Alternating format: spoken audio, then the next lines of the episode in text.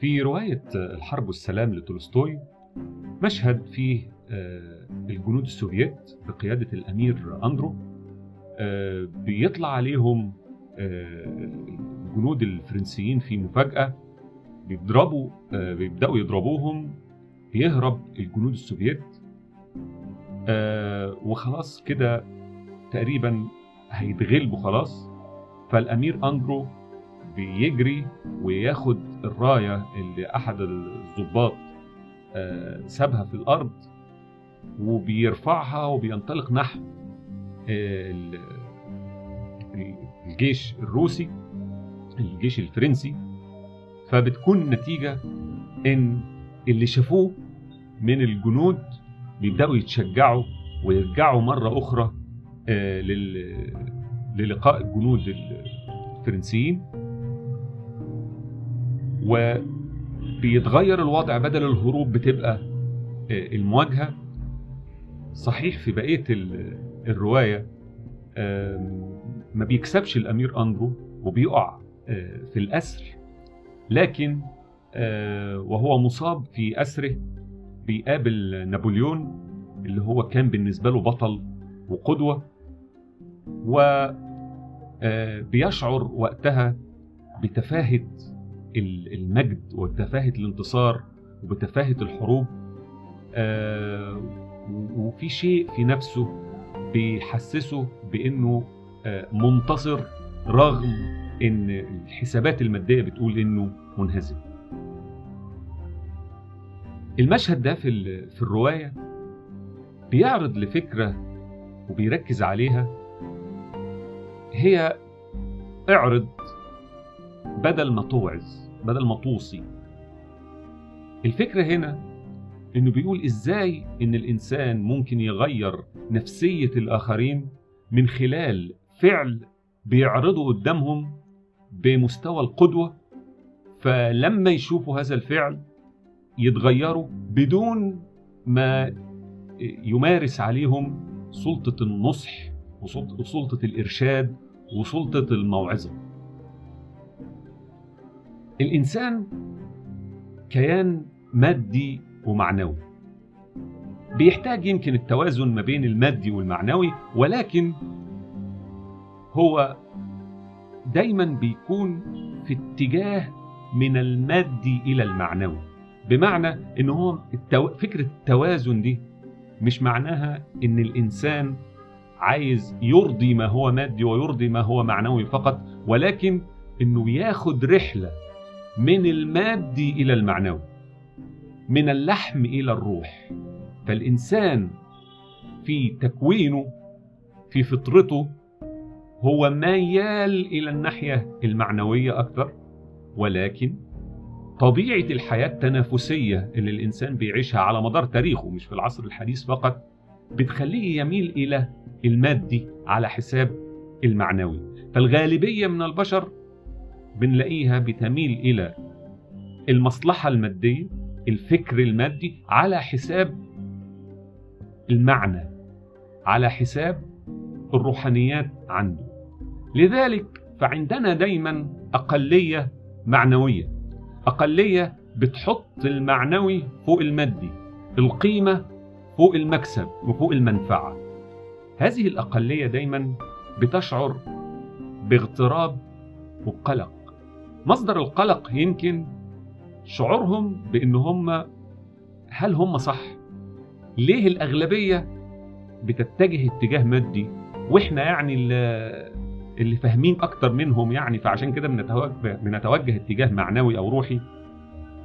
ده بيؤدي إلى قلق الإنسان في أول سؤال بي بيواجهه هل هو صح ولا غلط؟ بعد كده لو فضل متمسك بمعنويته واتجاهه المعنوي بيبدأ يشعر بالاغتراب إن هو أقلية في وسط أغلبية كبيرة بتتجه اتجاهات مادية أكتر وعندها حساب المنفعة أعلى من حساب القيمة. فالحياة بتتحول إلى حياة تنافسية مادية عند الأغلبية وعند الأقلية فالإنسان المعنوي بيراها رحلة معرفة. مش معرفة هنا معرفة معلومات وأفكار ولكن رحلة عرفان. بأنه يعرف نفسه ويعرف روحه وتبدأ تشغله الأسئلة الوجودية الكلية اللي هو أنا هنا ليه؟ مش لمجرد المنفعة أو لإشباع التطلع المادي اللي عندي ولكن من أجل أكثر معرفة نفسه أكثر ومعرفة وجوده ومعرفة معنى هذا الوجود. ومعناه هو في هذا الوجود هو أنا جاي أعمل إيه بالظبط؟ لكن بسبب هذه الأقلية والأغلبية غالبا ما يشعر هذا الإنسان المعنوي باليأس. فيبدأ يخلي الساحة لعبيد المنافسة. أنتوا بتتنافسوا؟ طب أنا ماليش دعوة خالص. ولكن في الحقيقة ده مش حل. هذا الانعزال هو بيعتقد ساعتها إن هو منعزل مترفع لا منتمي. ولكن كل هذه عذابات بي بيتعرض لها هذا الإنسان. هو مش بيستريح بعد ما بيعتزل مش بيستريح بعد ما يعلن نفسه لا منتمي إلى هذه إلى هذه الأغلبية. فالحقيقة إنه ده مش حل. طيب يعمل إيه؟ المفروض يعمل إيه؟ الجملة الشعار اللي ممكن نقوله هنا اذهب وافعل شيئا. هذا الشيء اللي المفروض يعمله فعل معنوي. فعل يحسسه بوجوده ويحسسه بوجود المعنوي حتى لو أقلية. فعل محبة فعل عرفان ومعرفة حتى ولو كان فعل بسيط.